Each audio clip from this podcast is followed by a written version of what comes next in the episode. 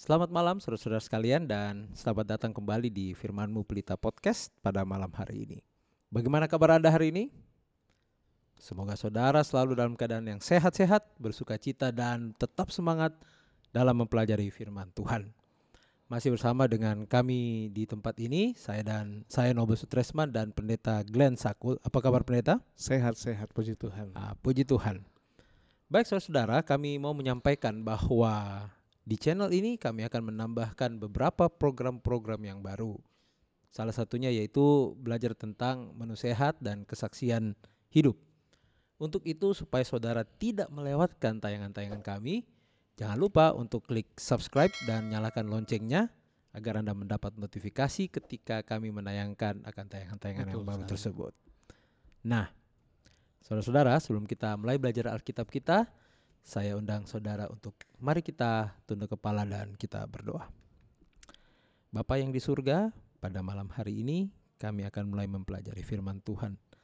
Tuhan karuniakanlah kami dengan rohmu agar kami dapat mengerti apa rencana Tuhan yang kau tuangkan di dalam firman Tuhan. Ya. Dalam nama Yesus kami berdoa.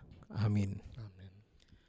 Nah, saudara-saudara, bagi saudara-saudara yang di rumah, apabila saudara mempunyai pertanyaan ataukah juga saran ataukah ada yang topik-topik yang saudara ingin sarankan untuk kami bawakan pada saat ini, saudara boleh email, eh, WA atau live chat di YouTube kami dan kami akan dengan senang hati membalas akan email daripada saudara atau WA daripada saudara-saudara sekalian. Nah, Pendeta Glenn, ada satu kutipan yang ini saya sempat baca di internet nih.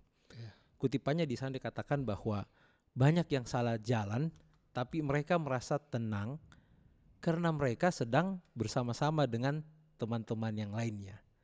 Nah, kalau melihat kutipan tadi, kira-kira apa yang bagus untuk kita jadikan topik kita pada malam hari ini? Iya.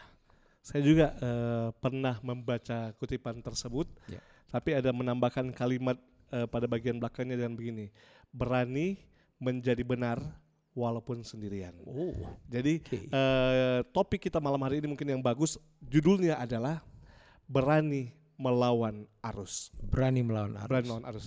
Tapi begini Saudara Nobel, eh, lebih tepatnya dengan kata dengan Hmm. perikop atau topik kita berani melawan arus adalah bagaimana kita memilih jalan hidup yang benar. Jadi memang topiknya berani melawan arus tetapi lebih tepatnya yang kita perlu perdalam lagi adalah bagaimana kita memilih jalan hidup yang benar Hmm. dengan bergantung dan percaya kepada Tuhan. Mungkin lebih jelas untuk memperjelas statement tadi, mari kita buka Alkitab kita, kita lihat satu perikop dalam Alkitab yang terdapat dalam bilangan pasal 13 ayat 1 dan 2. Kita akan melihat tentang topik berani melawan arus dan juga melihat tentang yang saya sampaikan tadi bahwa memilih jalan hidup yang benar dengan bergantung dan percaya kepada Tuhan. Coba baca bilangan 13 ayat 1 dan ayat 2. Oke, baik saudara-saudara pemirsa, mari kita buka dalam bilangan 13 ayat 1 dan ayat yang kedua. Tuhan berfirman kepada Musa, Suruhlah beberapa orang mengintai tanah Kanaan yang akan kuberikan kepada orang Israel. Dari setiap suku nenek moyang mereka, haruslah kau suruh seorang semuanya pemimpin-pemimpin di antara mereka. Ya, kalau dari perintah Tuhan kepada Musa, apa kira-kira isi perintah tersebut? Ya, jelas itu mengintai, mengintai Kanaan. Ya, perintahnya adalah mengintai akan Kanaan. Hmm. Mari kita baca ayat selanjutnya. Coba kita lompat ke ayat 17 sampai ayat 22 bagaimana Musa memerintahkan para pemimpin untuk pergi mengintai tanah Kanaan. Bilangan 13 ayat 17 sampai 20. Maka Musa menyuruh mereka untuk mengintai tanah Kanaan, katanya kepada mereka, "Pergilah dari sini ke tanah Negeb dan naiklah ke pegunungan." Ayat 18, "Dan amat-amatilah bagaimana keadaan negeri itu? Apakah bangsa yang mendiaminya kuat atau lemah? Apakah mereka sedikit atau banyak? Dan bagaimana negeri yang didiaminya? Apakah baik atau buruk? Bagaimana kota-kota yang didiaminya? Apakah mereka diam di tempat-tempat yang terbuka atau di tempat-tempat yang berkubu? Dan bagaimana tanah itu? Apakah gemuk atau kurus? Apakah ada di sana pohon-pohonan atau tidak? Tabahkanlah hatimu. dan bawalah sedikit dari hasil negeri itu. Waktu itu ialah musim hulu hasil anggur. Ya. Jadi Musa melanjutkan perintah Tuhan, dia sampaikan kepada para pemimpin. Hmm. Dia bilang pergi, mengintai, melihat keadaan, bagaimana orangnya, bagaimana tempatnya, dan bagaimana tanah di tanah kanan tersebut.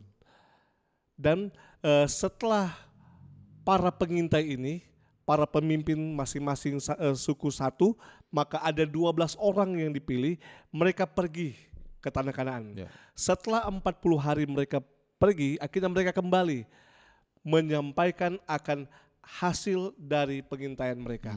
Coba Saudara Nobel baca ayatnya yang ke-27. Mereka menceritakan kepadanya, kami sudah masuk ke negeri ke mana kau suruh kami dan memang negeri itu berlimpah-limpah susu dan madunya. Dan inilah hasilnya. Ya, mereka sampaikan, oh Hmm. ya tempatnya memang baik. Negeri itu adalah negeri yang berlimpah susu, Susu dan, dan madu. Dan mereka mengatakan ini hasilnya yang mereka bawa hasil dari intaian mereka di tanah kanan. Coba kita lihat hasilnya dalam ayat 22 sampai ayat 24. Nah, bilangan 13 ayat 22, mereka berjalan melalui tanah Negeb lalu sampai ke Hebron. Di sana ada Ahiman, Sesai, dan Talmai keturunan Enak. Hebron didirikan tujuh tahun lebih dulu dari Soan di Mesir. Ketika mereka sampai ke lembah Eskol, dipotong merekalah di sana suatu cabang dengan setandan buah anggurnya. Lalu berdualah mereka menggandarnya. Juga mereka membawa beberapa buah delima dan buah ara. Tempat itu dinamai orang lembah Eskol karena tandan buah anggur yang dipotong orang Israel di sana. Ya. Luar biasa bukan? Ya. Mereka menyampaikan tempatnya subur, Hmm. berlimpah susu dan madu dan mereka membawa hasil dari tanah kanan. Ya. Di sana ada apa? Ada anggur, Ya. ada buah delima, ada buah ara. Mereka menyampaikan hal-hal yang baik. Mereka menyampaikan tempat itu memang baik. Namun ada fakta lain yang ketika mereka menyampaikan fakta tersebut mengejutkan orang-orang Israel ketika mereka mendengarkannya. Ya. Coba kita baca ayatnya yang ke-28 dan 29 dari bilangan pasal 13. Ini fakta-fakta yang mengejutkan di dalam kejad ke bila, eh, sorry maaf ke, eh, bilangan 13 ayat 28 hanya bangsa yang diam di negeri itu kuat-kuat dan kota-kotanya berkubu dan sangat besar juga keturunan enak telah kami lihat di sana orang Amalek diam di tanah Negeb orang Het orang Yebus dan orang Ya- Amori diam di pegunungan orang kanan diam sepanjang laut dan sepanjang tepi sungai Yordan Ya. Coba perhatikan kalimat yang mereka sebutkan. Kota-kotanya berkubu dan sangat besar. Hmm. Di sana ada keturunan enak di eh, orang-orang Orang keturunan raksasa, ya. enak dan mereka harus melewati orang Amalek, ya melewati orang Het, orang Yebus, orang Amori dan orang Kanaan. musuh bebuyutan Ya. Israel. Sebagian besar pengintai ini ingin menyampaikan kemustahilan untuk orang Israel bisa berada di tanah Kanaan. Ya. Karena tempatnya berkubu dan mengi- eh, melewati banyak eh, banyak orang-orang di sana, orang-orang Het, orang-orang Yebus dan orang-orang Kanaan. Ya. Dan saudara Nobel tahu, cerita tersebut langsung menimbulkan ketakutan Ya. dan kegaduhan di tengah-tengah orang Israel. Namun di antara kedua belas pengintai tadi ada dua orang yang meyakinkan bahwa mereka tetap bisa memasuki tanah Kanaan. Ya.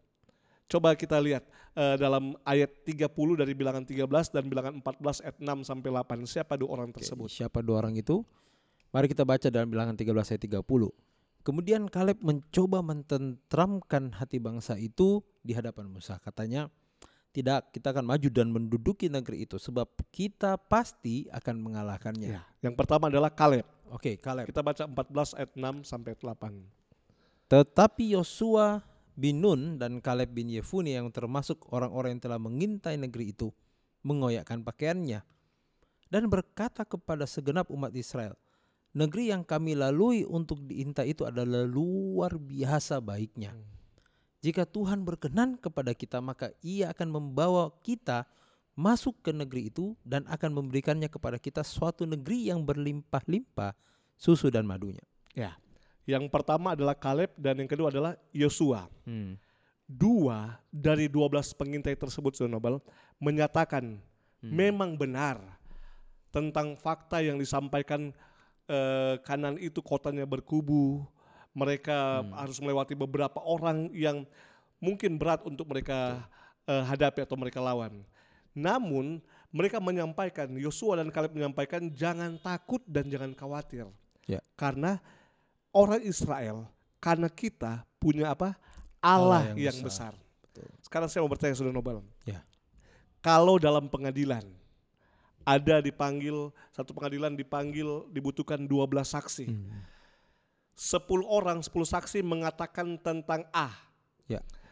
dan hanya dua orang yang mengatakan tentang B. Ya. Kira-kira keputusan seperti apa yang akan diambil? Yang pasti A. Yang pasti akan mengikuti A. suara terbanyak, Betul. kebanyakan orang. Ya. Orang akan pilih A. Makanya judul kita malam hari ini berani melawan arus. Karena 10 mengatakan tempat itu mustahil untuk dimasuki oleh orang Israel. Betul. Secara jumlah Yosua dan Kaleb kalah. Mereka hanya, Hanya berdua. Betul. Melawan berapa? 10 orang. Coba Saudara Nobel melihat gambaran yang diberikan oleh 10 pengintai. Ketika Yosua dan Kaleb mengatakan bisa, kita bisa masuk, kita punya Allah yang besar. Ya. Coba perhatikan apa yang disampaikan kembali oleh 10 pengintai ini. Bilangan 13 ayat 31 sampai 33. Oke, bilangan 13 ayat 31 sampai 33. Tetapi orang-orang yang pergi ke sana bersama-sama dengan dia berkata, kita tidak dapat maju menyerang bangsa itu karena mereka lebih kuat daripada kita. Ya. 13 ayat 32, juga mereka menyampaikan kepada orang Israel kabar busuk tentang negeri yang diintai mereka. Dengan berkata, negeri yang telah kami lalui itu untuk diintai adalah suatu negeri yang memakan penduduknya. Wah. Dan semua orang yang kami lihat di sana adalah orang yang tinggi-tinggi perawakannya. Juga kami lihat di sana orang-orang raksasa, orang enak yang berasal dari orang-orang raksasa dan kami lihat diri kami seperti belalang. Demikian juga mereka terhadap kami. Ya. Hal yang pertama yang coba ditambahkan oleh 10 pengintai ini adalah mereka membuat kesepakatan untuk menyampaikan orang-orang yang akan mereka hadapi untuk masuk tanah Kanaan adalah orang-orang yang terlalu kuat untuk orang Israel. Memakan penduduknya. Pertama Iya, dulu, kuat. orang yang terlalu Betul, kuat betul. untuk orang Israel. Ya, le- lebih kuat.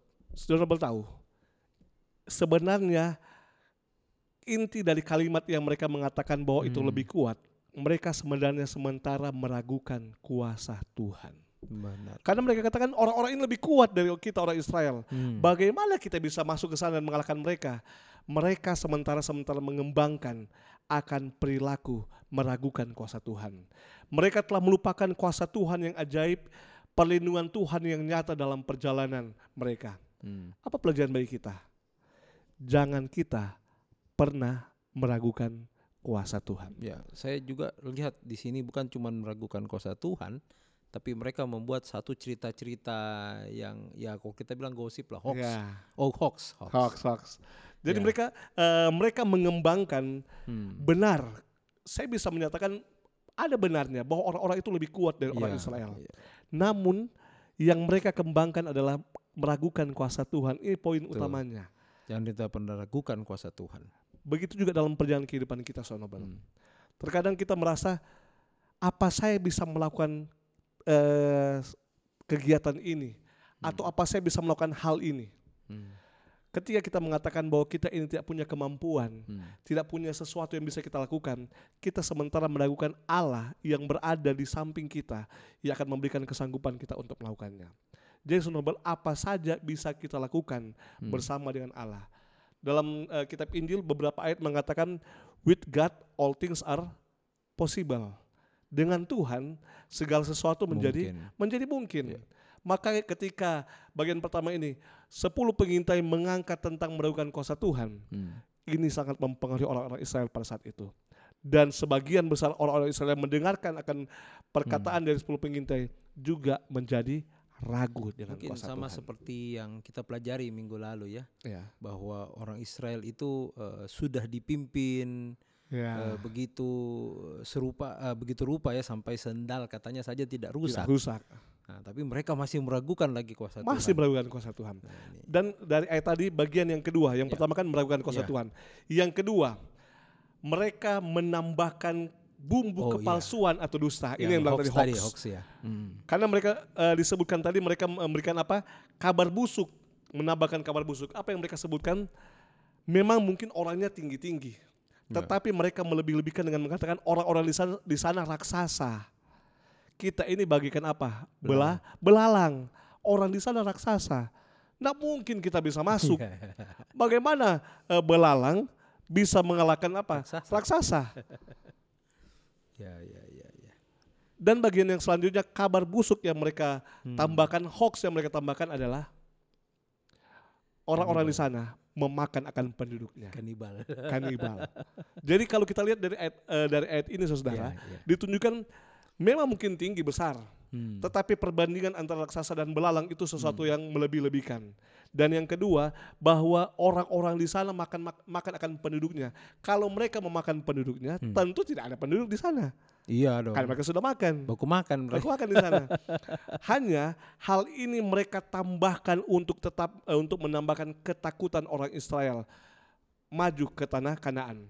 Perkataan-perkataan ini telah menimbulkan satu keraguan yang besar akan kuasa dari Tuhan. Jadi mungkin boleh kita katakan kalau kita membuat kebohongan di apa namanya di awal, maka akan kita tutupi juga dengan kebohongan-kebohongan yang lain. Ada satu statement yang Oke. saya ingat sejak Ya. SD teman saya mengatakan Iya. dosa dosa satu menuntun kepada dosa selanjutnya. Wah, itu ya Itu betul. seperti yang sudah Nobel bilang tadi. Kita lanjut. Oke. Yosua dan Kaleb dengan tegas mengambil suatu pilihan hidup untuk bergantung kepada Allah. Ya.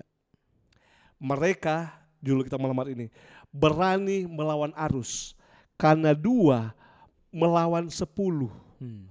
untuk pilihan hidup yang takut akan Tuhan. Karena ini perintah daripada Tuhan. Karena ini perintah dari Tuhan. Perintahnya adalah pergi ke masuk ke tanah Kanaan. Dan Yosua dan Kaleb mengambil satu pilihan hidup untuk percaya dan hidup dengan takut akan Tuhan. Mereka berani melawan arus. Sepuluh orang bersepakat menyatakan mustahil masuk ke tanah Kanaan. Ada satu quotes yang saya Ya. sempat baca Hmm.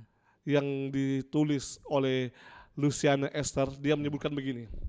Hidup itu melawan arus. Karena kenapa? Hanya ikan mati dan sampah yang mengikuti arus. Ah, ini luar biasa. Jadi sikap pilihan hidup yang diambil oleh Yosua dan Kaleb, mereka berani melawan arus karena mereka lebih percaya dan takut akan Tuhan. Hmm. Tapi perlu diper- dipertegas dengan demikian. Karena kita dipanggil untuk selalu melawan akan kita bukan dipanggil untuk selalu melawan akan pimpinan, melawan akan pemerintah Melawan atau melawan akan hukum. Kenapa harus dipertegas? Karena oh, kita harus berani melawan arus. Kalau begitu lawan kita punya pimpinan. Kalau pimpinan bilang ah lawan, jangan. Kalau pemerintahan bilang kebijakan ini lawan, jangan. Kita tidak Jadi bukan berpolitik. itu yang dimaksudkan. Bukan itu yang dimaksud. Kalau ada hukum mengatakan turuti lampu merah, lawan. Hmm, Bukan itu yang dimaksudkan. Berani melawan arus adalah berani untuk percaya kepada Tuhan, di mana banyak orang tidak percaya kepada Tuhan. Mungkin saya tambahkan sedikit mengenai Ya. lampu merah. Jadi kalau misalnya kita lagi di lampu merah, lampunya masih merah, ada 10 orang jalan. Tapi dua orang yang berhenti yang mana yang kita ikuti? Apakah kita akan, akan Apakah ikut kita itu? ikuti yang 10 Ini, yang jalan? ini dia, ini dia. Kadang-kadang nggak bisa dipungkiri kita juga ikut eh. Sudah jalan dengan-dengan Yang tapi penting- masih merah. Yang penting ada 10 orang jalan, kita ikuti 10 orang ini padahal masih Berani merah lampu. Melawan arus. Nah, itu bukan berani melawan arus Bukan itu. berani melawan arus. Ya. kita harus lebih takut kepada Allah, takut kepada Tuhan. Jadi Eh, walaupun hanya berdua, walaupun Ya. hanya berdua tapi lakukanlah apa yang benar. Ya, itu sama walaupun mereka seperti bersepuluh ya. eh, tulisan yang eh, sudah Nobel baca di awal Iya, tadi. Iya, iya betul. Banyak orang eh, tetap berada di jalan yang salah merasa tenang karena banyak temannya berada di jalan tersebut. Iya. Jadi hati-hati ya kalau melanggar lampu betul. merah ini hati-hati. kalau ada 10 yang melanggar, mendingan kita dua yang tetap diam kena lampu merah. Ya. Lantas pendeta, kita kembali ke cerita yang tadi. Bagaimana akhir daripada cerita ini? Ya, kita lanjut ya. Kegaduhan yang ditimbulkan oleh 10 pengintai ini Hmm. dengan menambahkan kabar busuk, menambahkan hoaks, membesar-besarkan keadaan, semakin menimbulkan kegaduhan. Semakin memberikan kecemasan dan ketakutan bagi orang Israel. Ya. Karena orang Israel lebih percaya, perhatikan, orang Israel lebih percaya kepada 10 daripada dua. Dan orang Israel telah dipenuhi dengan keraguan dan ketakutan. Sehingga apa pun yang disampaikan oleh Yosua dan Kaleb tidak mereka dengar dan percaya. Betul. Coba kita baca bilangan pasal 10 em, pasal 14 ayat 10. Bilangan 14 ayat 10, lalu segenap umat itu mengancam hendak melontari kedua orang itu dengan batu. Tetapi tampaklah kemuliaan Tuhan di kemah pertemuan kepada semua orang Israel. Wah luar biasa. Mereka mau melempari Yosua dan Kaleb dan batu ya. Ya, Berarti situasi tersebut kalau saya bisa gambarkan mungkin oh ya pernah situasi yang terjadi beberapa saat atau waktu yang lalu ya. Back eh, sudah berapa tahun yang lalu yang di Ya. Indonesia juga ya. Mereka bahkan melempar akan melempari orang yang bersaksi dengan benar ini dengan batu. Betul-betul memang situasi luar biasa. Kekacauan sudah terjadi. Iya. Mereka bahkan berani mau lempar akan dua saksi ini, Hmm. Yosua dan Kaleb ini. Ada Tetap- satu ide yang perlu kita perlu kita eh, perdalam yaitu jangan kita mudah terpengaruh dengan perkataan perkataan banyak orang. hoax. Ya hoax. Eh, kita kembali ke question and answer yang pada Kamis yang lalu pelajaran Hmm. kita sebelumnya tentang Timotius. Hmm. Tugas Timotius dalam menghadapi pengajar pengajar sesat. sesat. Itu pertanyaan kita pada Kamis yang lalu dan kita sudah jawab. Anda bisa lihat di podcast sebelumnya. Ya. Teman saya pernah mengangkat waktu SD. Hmm. Teman saya pernah mem- eh, bertanya kepada saya. Dia pemakan makanan yang eh, Segalanya. segalanya. Hmm. Kalau saya ikut apa firman Tuhan. Ya. Eh, dia bertanya begini, coba baca 2 Timotius ini. Kalau kita sudah doakan, kalau kita sudah yakini tidak ada yang haram. Hmm. Dan saya coba menyampaikan, oh tidak, tidak Hmm. demikian. Ini adalah tugas dan dia katakan begini Saudara Noble. Hmm. Kalau ini salah, Hmm. kalau begitu Alkitab ini tidak berguna. Dan Saudara Noble tahu apa yang dia buat? Dia robek, dia robek eh, Kalau kita- bagian dari Alkitab tersebut 2 Timotius pasal 4. Dia bilang, "Untuk apa ini ada kalau ini sudah tercatat dalam Alkitab?" Hmm. Jadi yang saya mau coba sampaikan adalah eh, karena kebanyakan orang sudah menyampaikan satu informasi Ya. yang dia juga meyakini sebagai hal yang benar, maka dia menolak fakta-fakta yang lain. Ya. Sama halnya dengan orang Israel. Ketika 10 pengintai sudah menyampaikan Hmm. hasil intaian dan menambahkan hoaks, Hmm. menambahkan sesuatu yang berlebihan, menyampaikan tidak mungkin orang Israel ke sana. Keseluruhan orang Israel yang mendengarkan kesaksian tersebut, mereka terpengaruh dan mereka mulai menutup mata atas fakta bahwa Tuhan menyertai Betul. mereka. Betul. Mereka mulai melupakan yang sudah berangkat tadi, sepatu mereka tidak pernah rusak, kaki Hmm. mereka tidak pernah bengkak, siang tidak kepanasan, malam tidak kedinginan, makan akan selalu ada. Hmm. Mereka mulai melupakan fakta-fakta tersebut dan terpengaruh dengan kabar-kabar hoax tersebut. Nah, kita kembali. Yang disebutkan bagian akhir sana Hmm. disebutkan apa? Ketika mereka mencoba mulai melempari akan kedua pengintai itu apa yang disebutkan dalam Tampaklah tadi? kemuliaan Tuhan di kemah pertemuan kepada semua orang Israel. yang terjadi.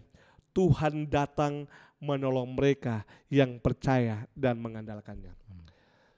Kenapa saya kembali pertanyakan bagian akhir tersebut? Karena ada satu pelajaran yang lain yang Hmm. kita boleh ambil.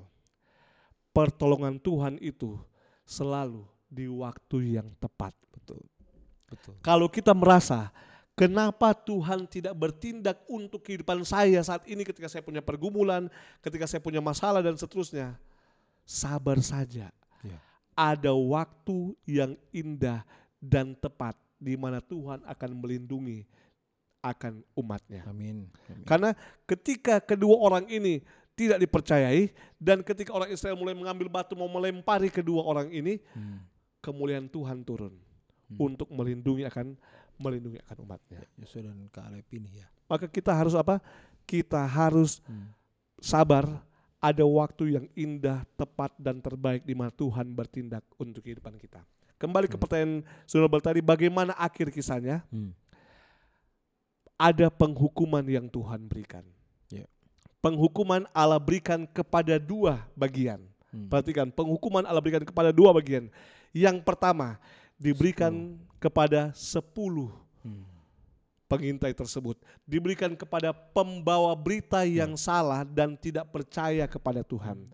Coba baca dalam bilangan pasal 16, 14 ayat 36 dan 37. Ayat eh, bilangan 14 ayat 36 37 adapun orang-orang yang telah disuruh Musa untuk mengintai negeri itu yang sudah pulang dan menyebabkan segenap umat itu bersungut-sungut kepada Musa dengan menyampaikan kabar busuk tentang negeri itu orang-orang itu mati kena Ya. tulah di hadapan Tuhan Jadi Paham. yang Tuhan hukum kepada 10 pengintai apa?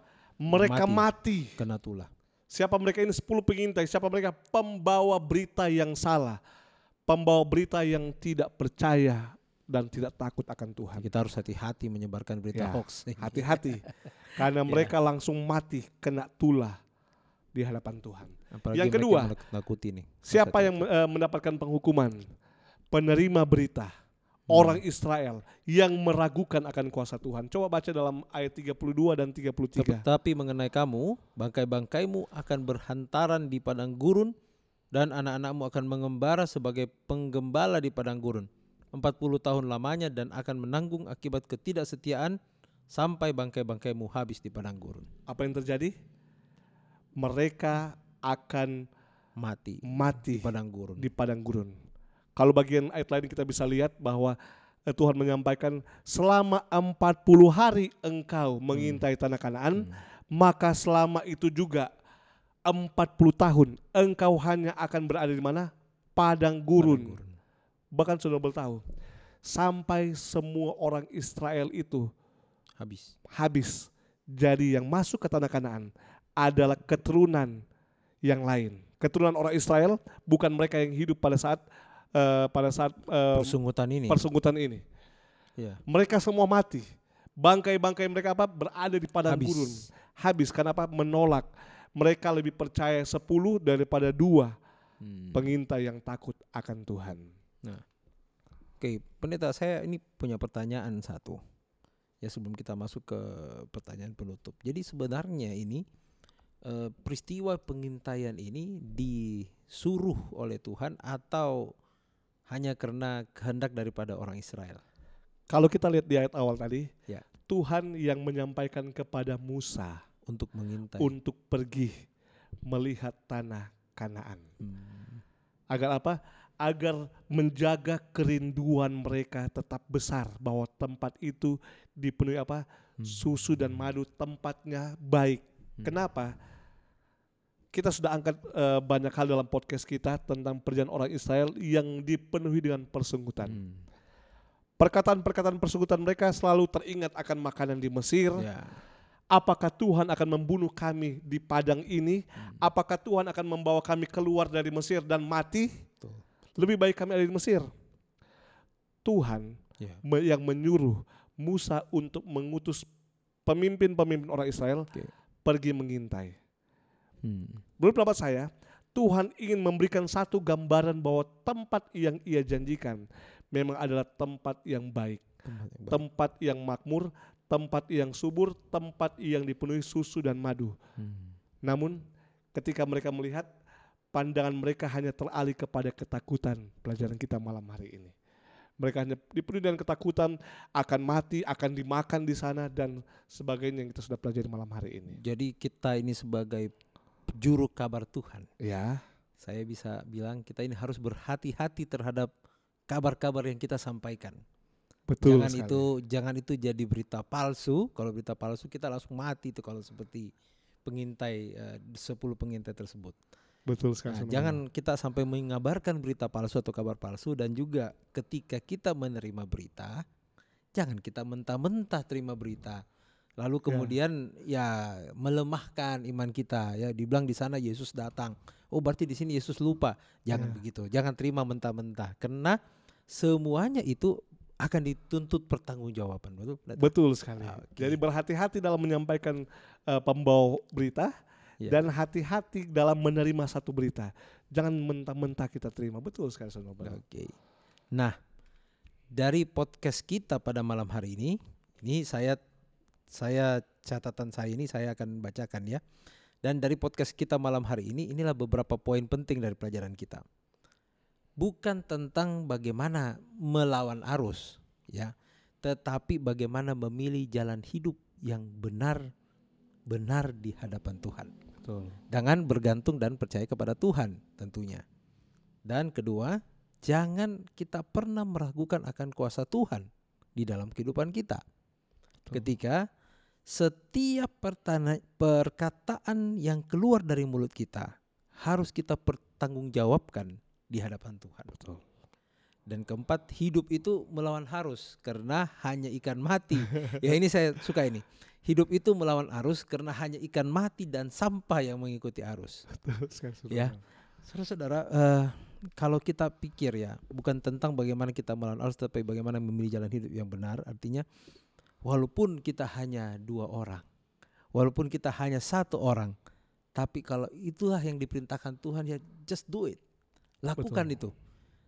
Orang lain yang 100 orang itu tidak tahu mau bikin apa, mereka tidak mau mengikuti yang seperti itu karena nanti dianggap seperti orang gila. Kita tidak ada problem mengenai itu karena kita baca dan kita meyakini firman Tuhan. Maka saya himbau kepada saudara-saudara semuanya, kalau kita sudah mempelajari firman Tuhan, lakukan apa yang firman Tuhan katakan. Walaupun 100 orang di luar sana tidak mengikuti, ya itu urusan mereka. Saya tambahkan sedikit. Ya. Seperti kita punya pelajaran yang lalu tentang eh, menu yang terbaik untuk tubuh. Kita Yes. sudah belajar. Ya. Kita pelajari Alkitab ada sesuatu yang dilarang oleh Tuhan. Hmm. Tapi kebanyakan orang, kebanyakan orang Kristen juga yang pegang Alkitab memakan segalanya. yang Padahal- mana kita ikuti? Beranilah melawan arus kebanyakan orang. Iya. Apa yang perlu kita lakukan? Datang kepada datang kepada firman. Terima Iya. kasih Nobel. Bagus Jadi sekali. bukan bukan kepada siapa yang banyak tetapi siapa yang benar. Ya. Itu yang harus kita ikuti. Oke, baik saudara-saudara. Demikianlah firmanmu Pelita Podcast pada malam hari ini dan sebelum kita menutup pertemuan kita, saya ingatkan kembali kepada saudara-saudara jangan lupa untuk mengirimkan pertanyaan atau saran seputar program kami di yang di bawah ini, email dan eh, WA kami tertera di bawah kita ini. Dan saya akan minta Pendeta Glenn untuk mari kita tutup dalam doa akan pertemuan kita ini. Mari kita berdoa. Ya Tuhan Allah di sorga, kami berterima kasih karena malam hari ini, pada kesempatan ini kami boleh belajar firman Tuhan. Kami dipanggil untuk berani melawan arus, berani menentukan pilihan hidup kami untuk bergantung takut akan Tuhan. Sekalipun orang-orang di sekitar kami melakukan hal-hal yang dilarang oleh Tuhan dan kebanyakan orang melakukannya. Tolong kami Tuhan untuk tetap melakukan apa yang firman Tuhan perintahkan. Dan tolong kami Tuhan agar kami juga tidak mudah terpengaruh dengan berita-berita yang cepat tersebar yang menimbulkan ketakutan, kegelisahan. Sanggupkan kami untuk percaya bahwa pertolongan Tuhan untuk kehidupan kami itu indah dan tepat pada waktunya. Diberkatilah pemirsa yang menyaksikan dan mengikuti firman Pelita Podcast pada saat ini. Diberkati dalam kehidupan mereka, diberkati dalam pekerjaan, diberkati dalam rencana kehidupan. Diberkati hamba dan diberkati Saudara Nobel dengan berkat dan hikmat kuasa dari Tuhan saja. Di dalam nama Yesus kami telah berdoa. Amin. Demikian podcast kita pada malam hari ini. Tuhan memberkati.